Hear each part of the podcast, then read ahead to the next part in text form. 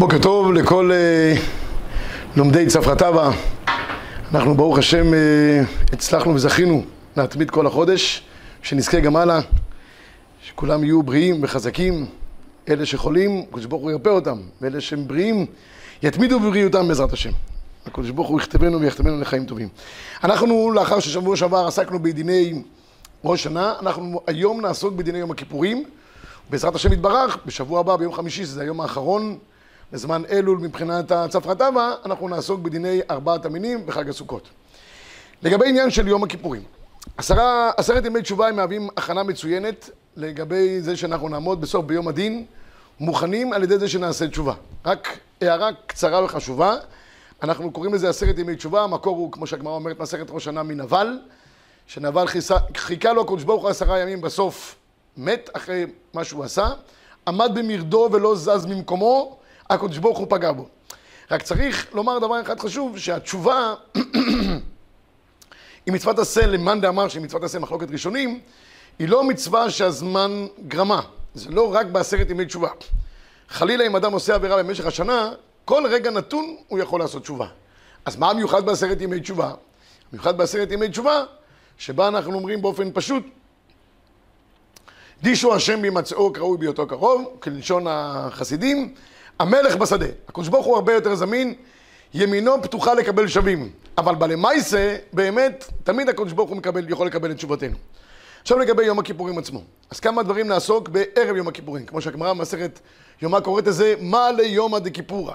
מה ליומא דכיפורא, ערב יום הכיפורים, מופיע המון פעמים בש"ס. זה יום שעומד בפני עצמו, חוץ מיום הכיפורים, אבל הוא מהווה חלק אינטגרלי מההכנה ליום הכיפורים. אז נעסוק עכשיו בכמה הלכות בענייני ערב יום הכיפורים, לאחר מכן ניכנס ליום הכיפורים עצמו. מה ליום הדכיפורא? יש מצווה לאכול, כמה שיותר לאכול. כל האוכל בתשיעי וצם בעשירי, כאילו צם, תשיעי ועשירי.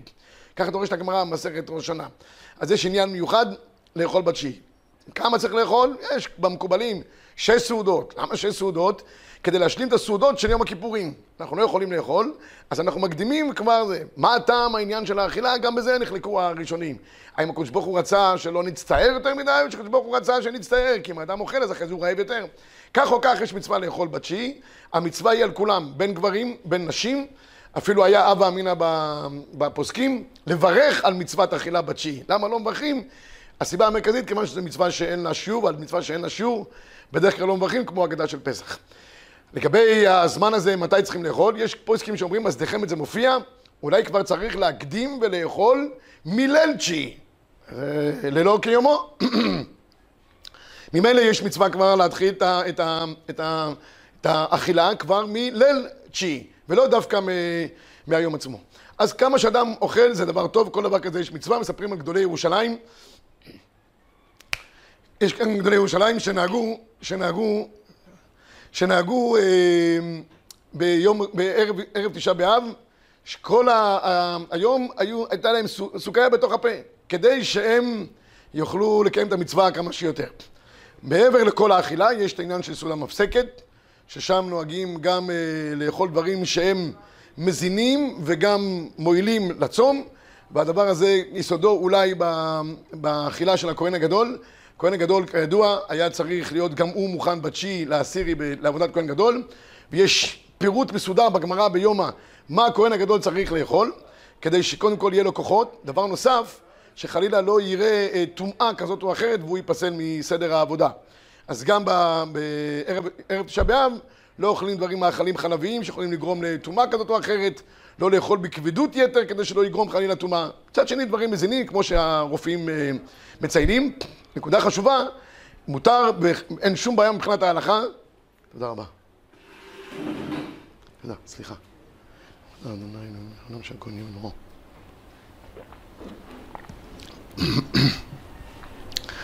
מופיע בהלכה שאנחנו אוכלים בסעודה מפסקת, ודבר נוסף, יש אפשרות בהחלט לשתות כדורים, צום קל וכולי וכולי, בלבד שאדם לא יתחבר לאינפוזיה.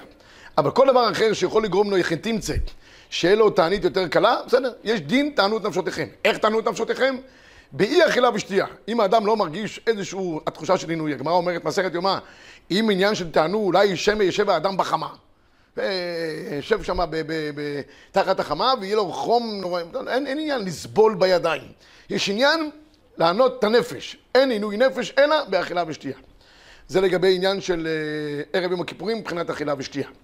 עוד דבר נוסף שיש בערב יום הכיפורים, כמה דברים נוספים, בקשת סליחה מחברו. המשנה כבר אומרת במשנה האחרונה במסכת אה, יומם, פ"ח, עבירות שבין אדם לחברו, אין יום הכיפורים מכפר עד שירצה את חברו. תמיד אני נוהג להביא את דברי האחרונים, ובראשם רב חיים פלאצ'י, זכר צדיק לברכה, מופיע גם בעיון יעקב, עבירות שבין אדם לחברו, אין יום הכיפורים מכפר בכלל, גם על בן אדם למקום, עד שירצה את חברו. כי מי שלא מסוגל להתפייס עם חברו, הקדוש ברוך הוא אומר לו, אגיד לך מידה כנגד מידה, כמו שהגמרא אומרת מסרת ראש שנה. כל המעביר על מידותיו, מעבירים לו כל פשע. אתה מסוגל למחול, אתה מסוגל לוותר. ממילא, הקדוש ברוך הוא גם מוחל לך. אבל אדם שהוא עומד במרדו, והוא קשה, והוא, כלשון הגמרא, הוא אכזרי, לא מסוגל למחול, אז נוהגים איתו מידה כנגד מידה.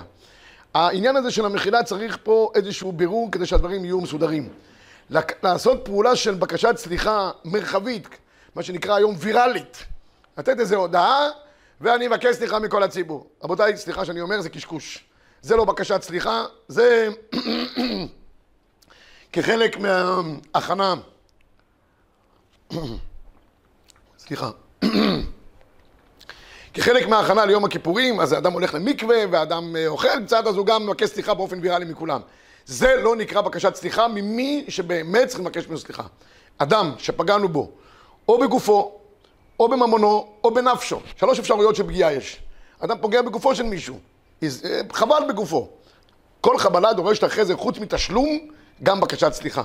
אדם הזיק לממון חברו, גנב, הזיק לו, שבר לו. חוץ ממה שהוא צריך לשלם ולהחזיר את הגזילה אשר גזל, הוא צריך גם לבקש סליחה. אדם פגע בנפשו של אחר, דיבר עליו לשון הרע, גרם לו נזק. בייש אותו ברבים, שפך את דמו ברבים. כל המקרים האלה הם דורשים בקשת סליחה באופן ספציפי מאותו אדם. אלא מה? כותבים הפוסקים שבקשת הסליחה צריכה להיות בחוכמה. אם זה יגרום מצב שבו אני אבוא לאדם באופן נוכח ואני אגיד לו, תשמע, לא רוצה להגיד לך, אבל דיברתי עליך לשון הורג. ההוא כבר חושב, מי יודע מה, כל הנזקים שהיו לו במשך השנה, כנראה זה הגורם הזה. זה בקשת סליחה טיפשית. אדם צריך לעבוד עם שכל. אם זה דבר שהוא אה, אפשרי על ידי עצמו, בסדר. אם לא, אם זה יועיל על ידי שליח, גם טוב. ישלח לו הודעה וזה יעשה את זה יותר מרוכך, ובלבד שיעשה בחוכמה ואנחנו מוצאים את התכלית. התכלית היא שבסופו של דבר האדם ירגיש שהוא אה, ביקש סליחה בצורה אמיתית, וחברו גם יכול למחול לו באופן שהוא מאפשר לו את הדבר הזה. מי שמוציא שם רע לחברו, הוא לא, לא רשאי, אה, חברו לא מחויב למחול לו. מי שמוציא שם רע, משלם ברורה כותב דבר נפלא. אדם מוציא שם רע ברבים לחברו, החתים את שמו, ולאחר מכן בא, מבקש ממנו סליחה באופן אישי, מה פתאום? כשם שאתה ביזית ופגמת את שמי ברבים, אין לך תקנה, אלא אם כן תקן את זה ברבים. שיוצאים מכתב, שיודיע הודעה, לא יודע איפה, שמה שהוא דיבר כלפי פויני זה שקר וכזב. אבל כל זמן שהשם הרע נשאר לחברו, והוא רוצה לסגור את זה בינו לבינו, הדבר הזה אומר המשנה ברורה, לא עובד, ואין זה שהוציאו עליו אה, לשון הרע ושם רע, צריך, הוא מחויב למחול. אם הוא רוצה לפנות, לפנים משורת הדין למחול, גם ברוך יהיה, אשרה ואשר חלקו. אבל האם הוא מחויב? הוא לא מחויב. זה בעניין בקשת הסליחה. אתה צריך לבקש סליחה גם מאשתו, אתה צריך לבקש סליחה מהוריו, וגם, אני זוכר שהראשים והרב גובר זצ"ל, תמיד בערב יום הכיפורים היה אומר ככה, אני מבקש גם מהתלמידים שלי סליחה. מה שעשיתי על פי דין, הוא אומר, זה אני לא מבקש, אני לא טועה על הראשונות חס ושלום. אבל מה שהיה מעבר, על זה אני מבקש סליחה. אז אדם צריך לחשוב ולהתבונן ערב יום הכיפורים, ממי הוא צריך לטרוח ובאופן אישי לבקש ממנו סליחה. אומרים שרבי אלימלך מניז'נסק, כל ערב שבת קודש, היה אצלו כמו ערב יום הכיפורים, היה מבקש סליחה. מכל בני ביתו, מילדיו, מאשתו, וגם מהעוזרות בבית, שמא הטריח אותם יותר מדי. כך אדם צריך להיכנס ליום, ה... ליום הכיפורים. עוד נקודה חשובה שהרב אליהו היה מורה עליה, כל ערב יום הכיפורים, לבדוק שאדם לא מחזיק גזלות בתוך ביתו. אדם שמחזיק כל מיני גזלות, הוא, הוא לקח חפצים שלו שלו ולא החזיר אותם, לקח ספרים בבית הכנסת, בתי מדרש כאלה ואחרים, יש כאלה שבונים את הספריות שלהם, בזה שהם לוקחים רק ספר מכל, מכל איזה בס מדרש.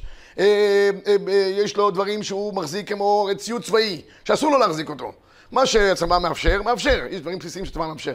מה שמעבר, זה גזלה בידו, חייב להחזיר את זה, צריך לדעת רבותיי. המשנה ברורה כותב בהלכות נעילה, שאם יש לאדם אה, אה, אה, מקטרגים השם ירחם, קופה מלאה שרצים, זה הלשון. קופה מלאה שרצים. מה מקטרג בראש? גזל. לכן אנחנו אומרים בתפילת נעילה, למען נציל עצמנו מעושק ידינו. מה, מה עושק ידינו ב, בתפילת נעילה ביום הכיפורים? זה המקטרג הגדול. אדם יכול לצעוק כל יום הכיפורים עד שמי שמיים. אבל אם חלילה יש לו דברים שנמצאים באמתחתו שלא כהלכה, זה מעכב את תפילותיו. אז אדם שיעשה חשבון נפש וחשבון בית, מה נמצא, מה נמצא. אדם צריך תרומות, יש לו הלוואה כלפי אחרים. כל הדברים שבין אדם לחברו, שהם דברים בסיסיים, שאנשים אחרים נפגעים, שלא מחזירים להם, שלא משלמים להם וכולי, את הכל צריך לסגור בערב יום הכיפורים. ולא צריך לספר את הסיפור בגמרא מסכת יומא, בדף פ"ז עמוד א' שמה, שאומרת בצורה קשה, שרב כבר הגיע לקצב, והמציא את עצמו בפניו, והקצב לא נענה לבקש, לבקש סליחה, דינו של הקצב היה נורא ואיום. ככה זה. מי שהוא עומד במרדו בלי שום אה, אה, אפשרות למחול, הדינו קשה. זה לגבי בקשת הסליחה בערב יום הכיפורים, ולמחבר השקיע סימן שלם, חוץ מחושן משפט, שאדם צריך לפייס את חברו בערב יום הכיפורים. נקודה.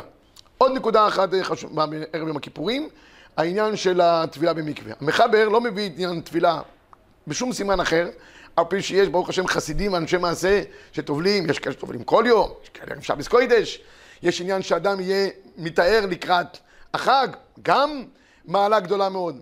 אבל בערב יום הכיפורים יש עניין מיוחד, לטבול, לא רק בגלל העניין של הטומאה, השם יש לו חשש טומאה, אלא גם מעבר לכך. פשוט להיטהר לקראת החג. חלק בתהליך הטהרה. אל תשכחו שהכהן הגדול ביום הכיפורים בסדר העבודה היה טובל חמש פעמים ומקדש ידיו ורגליו עשר פעמים. כל פעם לפני טבילה, קידוש ידיים ורגליים.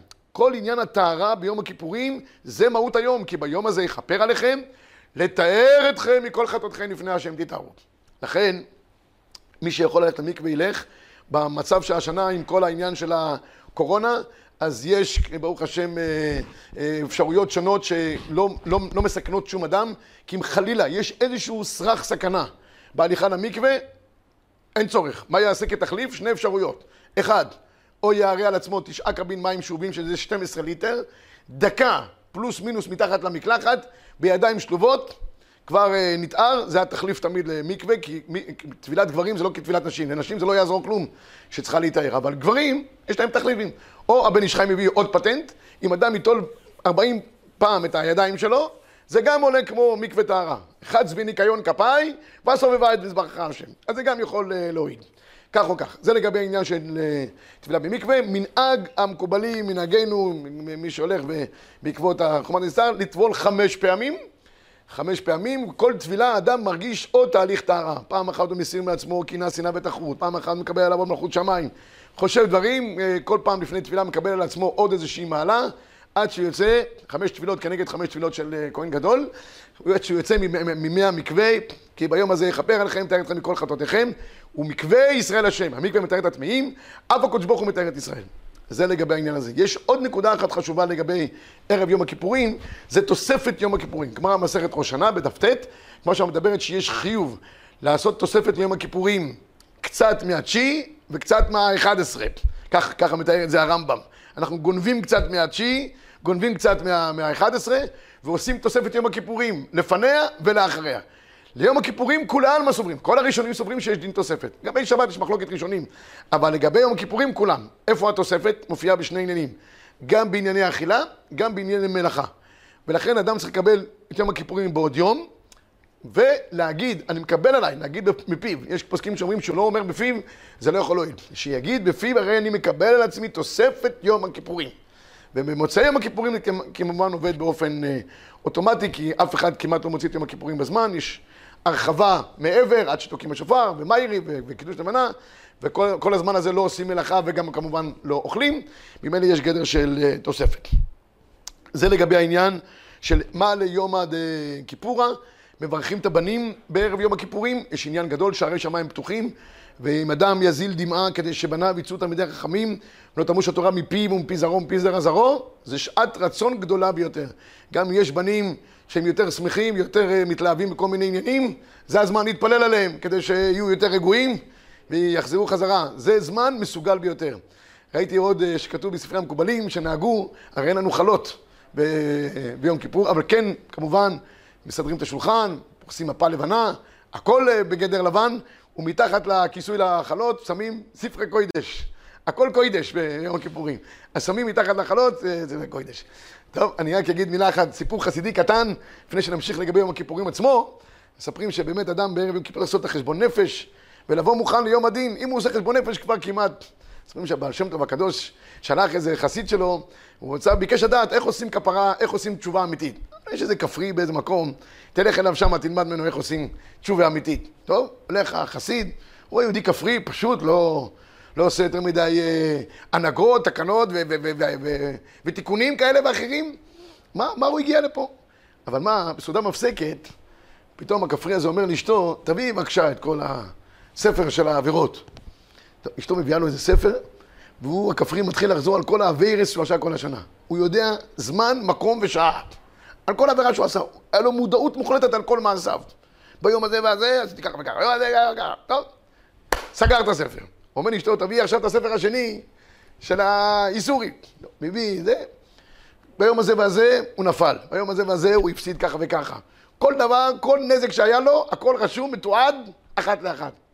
גומר את הסדר הזה, סוגר את שני הדברים, אומר, תשמע ריבונו של עולם, אני עשיתי לך עבירות כאלה ואחרות, אבל מאידך גיסא, גם אתה שילמת לי. אני מציע שאנחנו נקזז אחד עם השני ונגמור את העניין יפה. אם לא, אתה תבוא בתביעה, גם אני אבוא בתביעה. אז אני מציע שנגמור את העסק. וככה אני אעשה תשובה שלמה לפניך, ואני מבטיח שנה הבאה, הספר יהיה ריק. כך הוא היה נכנס ליום הכיפורים. עם חשבון נפש כזה, זה מצוין להיכנס ליום הכיפורים. טוב, עכשיו ניכנס לתוך יום הכיפורים עצמו, כמה נקודות יום הכיפורים. יום הכיפורים כמובן אסור בחמישה דברים. אה, נעבור עליהם במהירות. אכילה ושתייה, תכף אני אפרט בזה יותר. אכילה ושתייה ביום כיפורים כמובן שאסורה מכל צורה שהיא.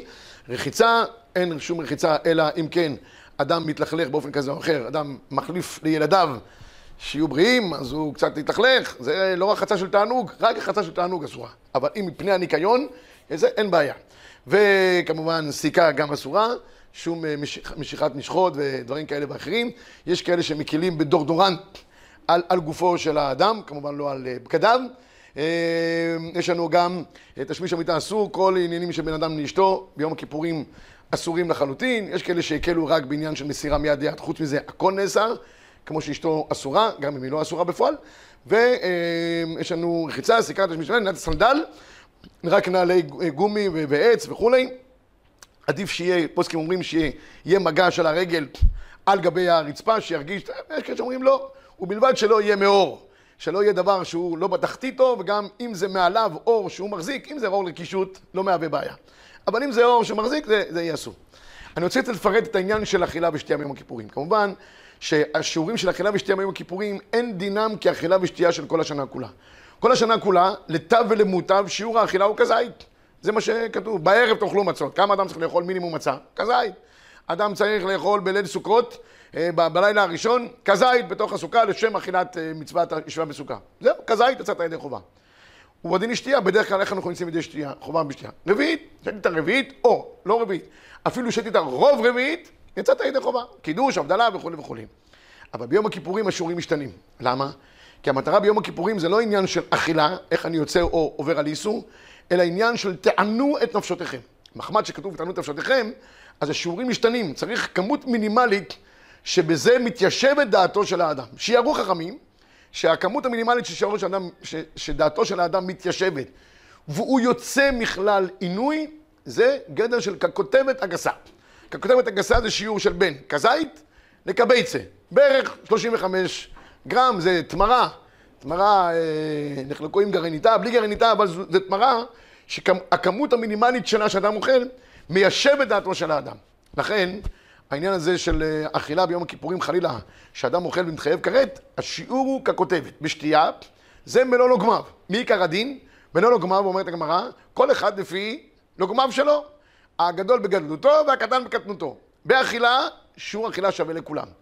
אבל בבנון עוגמם זה משתנה כל אחד לפי כוחו. ובכל אופן, שיערו חכמים איזה שיעור של מלון עוגמם, צד אחד כמובן, לא שני צדדים, של אדם, זה 30 סמ"ק. זה השיעור שיש. אני חייב להגיד פה עוד נקודה אחת, חוץ מכמות האכילה, יש זמן. הזמן והכמות מהווים את חלילה החיוב כרת מדאורייתא, או על אכילה או על שתייה. אני אומר או-או, כי אכילה ושתייה לא מצטרפים. כל האוכלים מצטרפים, כל המשקים מצטרפים, אדם מערבב. יש אנשים שאוהבים לערבב במשקה חריף. ערק או כל מיני דברים כאלה ואחרים. אז הם מערבבים, בסדר? זה... אה, אבל זה מצטרף. אבל אכילה ושתייה אינם, אינם מצטרפים. לכן, הכמות הזאת היא, היא נפרדת אחת מהשנייה. בין אכילה לבד, בין שתייה לבד. למה אני אומר את כל השיעורים האלה? הרי כל הצדיקים שברוך השם יושבים, שומעים את השיעור פה, אף אחד לא מעלה על דעתו לא לאכול, לא ככה ולא ככה. אלא מה?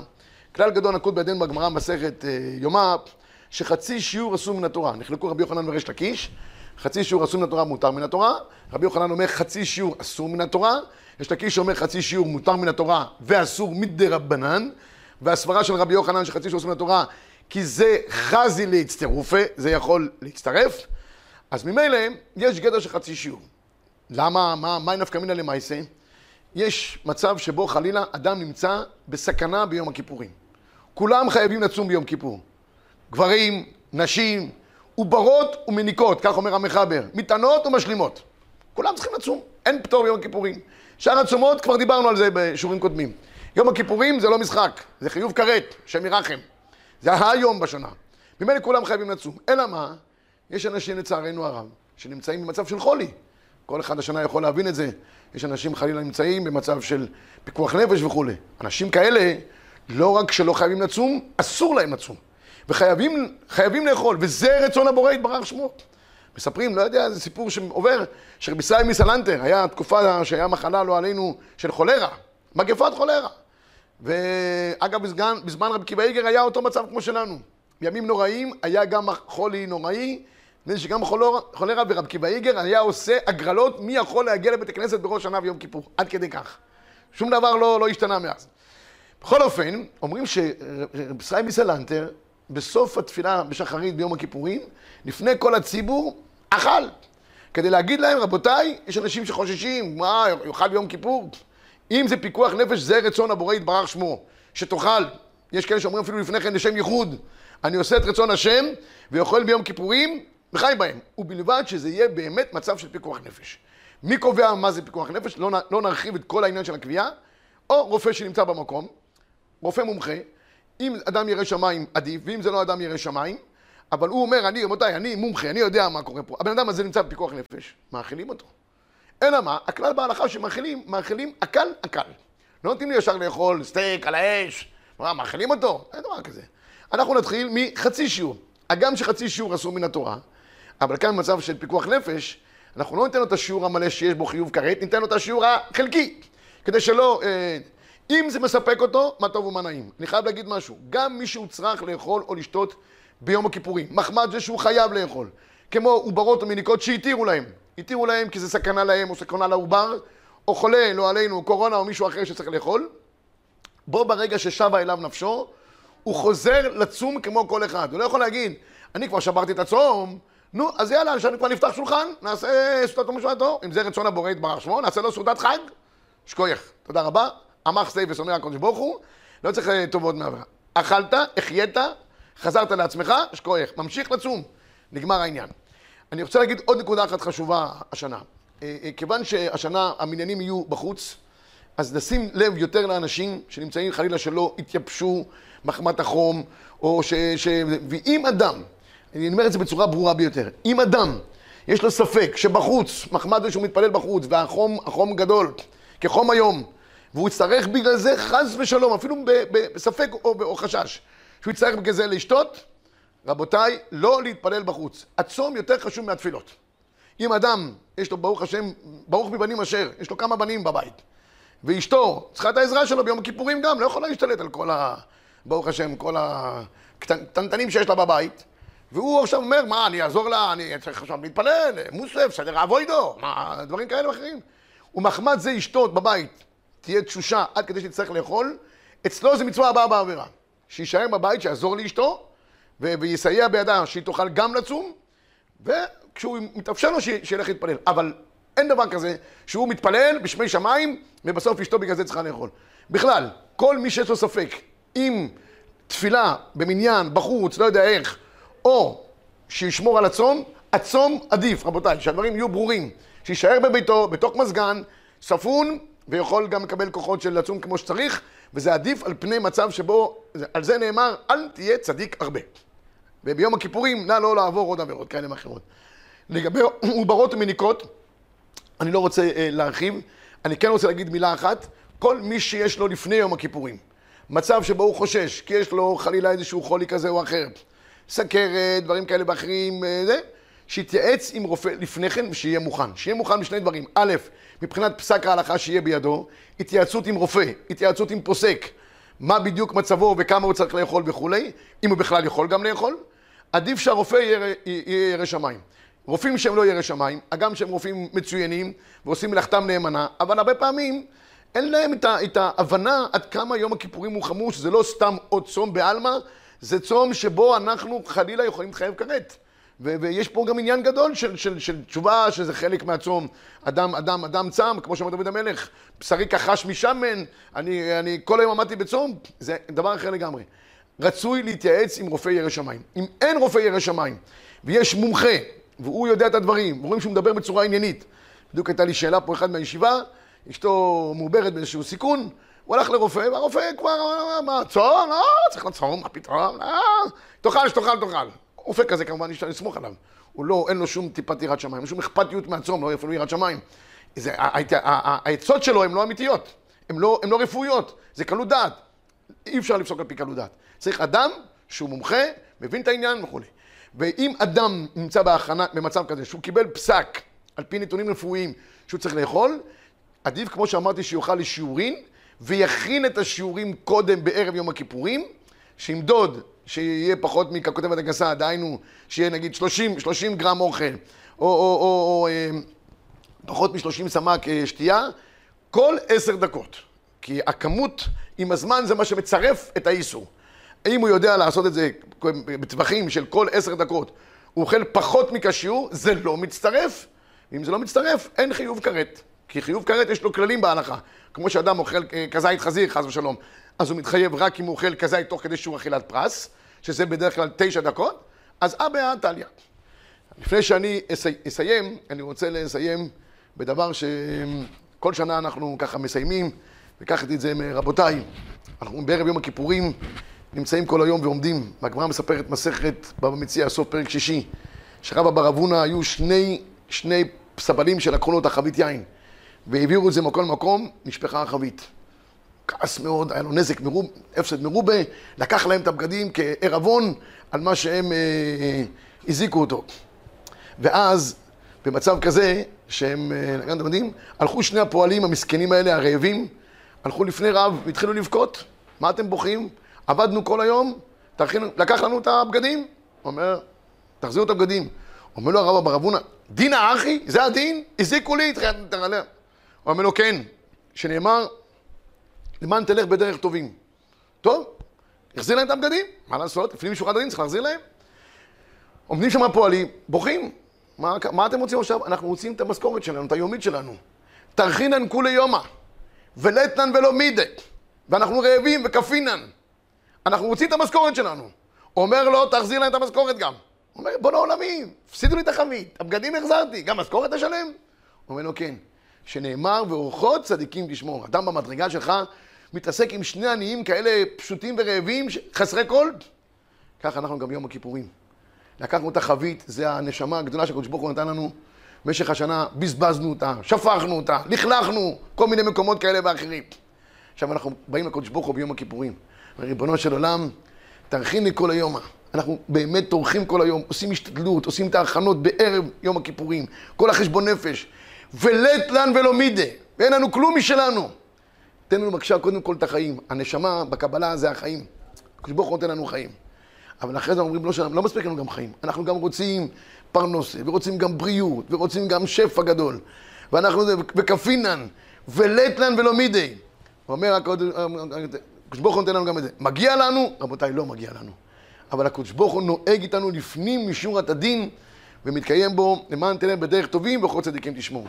אם נעמוד ככה ביום הכיפורים בתחושה של לטלן ולא מידי, אנחנו חסרי כל, ורק תלויים בו, ואנחנו באמת רוצים, כי תרחין לנו כולי יומא, אנחנו טורחים בעניין. אז הקדוש ברוך הוא גם, בעזרת השם, יכתבנו, ובעיקר גם יום הכיפורים, בשעת נעילה, יחתמנו לחיים טובים ושלום, אתכם ואת כל בית ישראל כולם, ונזכה לשנה שתהיה באמת שנה נפלאה, בריאה וחזקה לכולנו.